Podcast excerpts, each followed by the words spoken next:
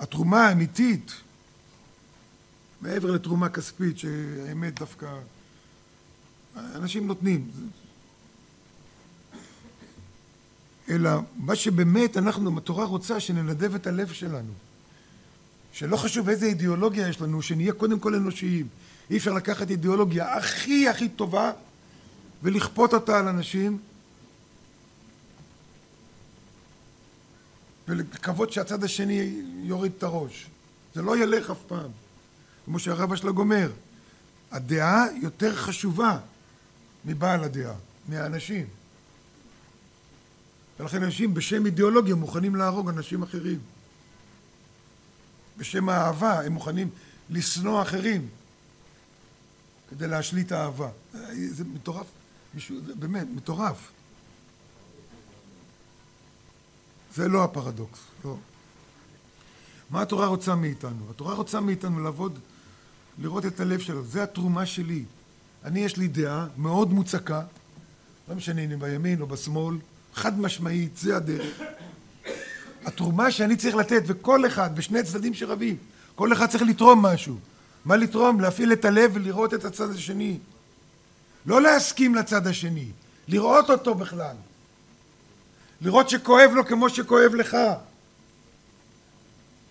זה חסר לנו. לראות שלצד השני כואב.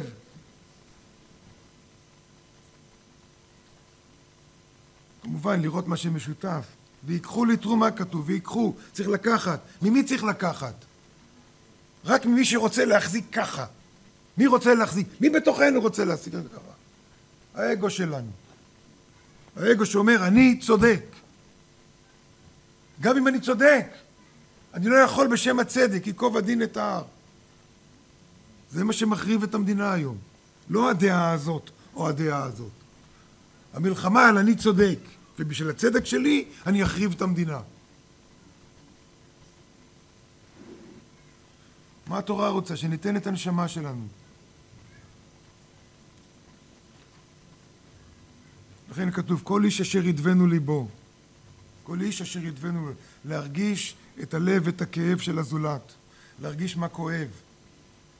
לפחות אם צד אחד היה אומר לשני, תשמע, אני יודע שכואב לך. כואב לך, דרך שלי כואבת לך. אני מבין אותך. רק להגיד את המילים האלה. רק להגיד את המילים האלה, כבר מרגיע את הרוחות. אנחנו ילדים קטנים, כולנו.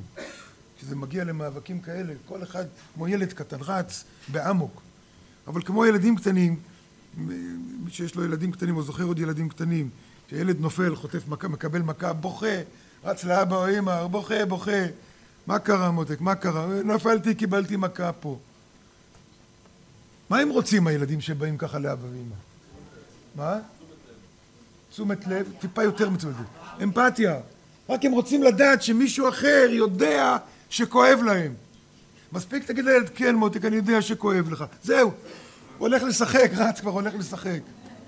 רק אמרת לו, אני יודע שכואב לך. זה כל מה שצריך, זה כל מה שבני אדם רוצים. את התרומה הקטנה הזאת, את התרומה הקטנה הזאת. להגיד לצד השני, אני יודע שכואב לך. ברגע שאני יודע שכואב למישהו, כבר אני לא יכול בכל הכוח עליו. אז בואו נראה, נדבר, נמצא כבר איזה דרך. ויש, תמיד יש דרך. אז זה התרומה שלו, לכן ייקחו את תרומתי, לקחת מהאגו שלנו. לא לפחד מזה. הרב אשלג כתב את זה בשנות השלושים, כתב את זה שזה הטבע האנושי. הוא בפירוש אמר לנו מה יכול להחריב את המדינה. דעה כזאת, דעה כזאת, דתיות, לא דת, דתיות. שלטון החוק זה דתיות, גם. יש חוק, יש חוקים, וכמו הדתיים, זה צריך ללכת רק לפי שלטון החוק. ככה יוצא, ככה יוצא שגם כשלוקחים את התורה בלי לב, בלי לב, אז יוצאים מצבים שבהם בעל לא נותן גט לאשתו 20-30 שנה, יושב מוכן למות בבית סוהר ולא לתת. כי זה דתיות.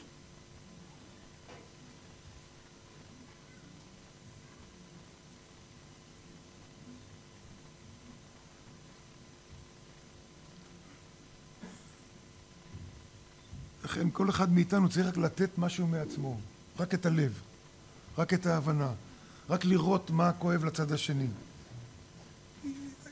שני צדדים מנוגדים, אפשר לאחד ביניהם רק, רק אם אני רואה, אם אני מתנגד לטבע שלי, מתנגד לטבע שלי, ומנסה לראות מה כואב לצד השני. הצד השני ינסה לראות מה כואב לי, ותהיה אחדות. לא צריך יותר מזה. לא צריך יותר מזה. תשימו לב אצלנו. אני אף פעם לא שאלתי אף אחד מכם מה הדעה הפוליטית של זה, ואני בטוח שיש פה אנשים מהימין לגמרי ומהשמאל לגמרי, אני בטוח. מישהו מרגיש את זה פה?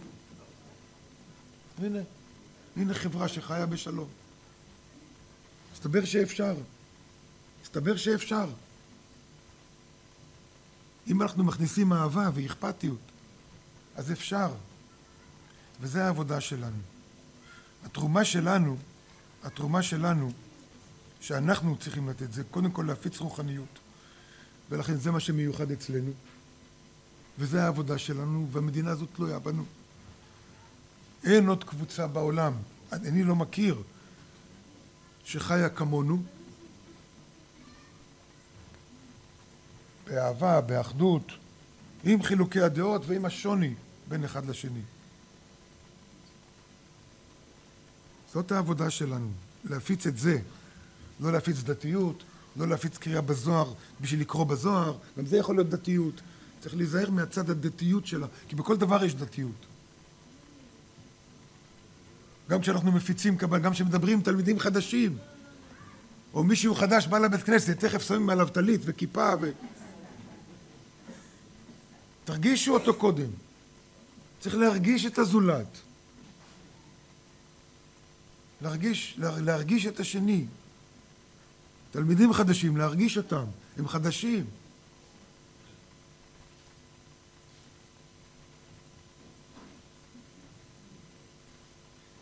בעזרת השם אנחנו נזכה בזכות הפרשה, הפרשה תיתן לנו את הכוח, כי מאיפה, מאיפה לי כוח להתעלות על הטבע שלי? מאיפה? רק מהפרשה. בעזרת השם אנחנו נלמד מהרבה שלג מה שהוא כותב. לפני 90 שנה הוא כתב את זה, וראה מה קרה אז, והבין שזה יכול ככה להימשך אלף שנה. אלף שנה. חס ושלום, שהחילוקים האלה יימשכו אלף שנה. מי שחושב שזה פתרון, לקחת שני הצדדים, לשים אותם בחדר אחד, ולא יצאו, עד שיצא עשן לבן, לא יצא שום עשן שם. הם יחנקו עם העשן שם בפנים ולא יוציאו אותו החוצה. רק לא יוותרו אחד לשני.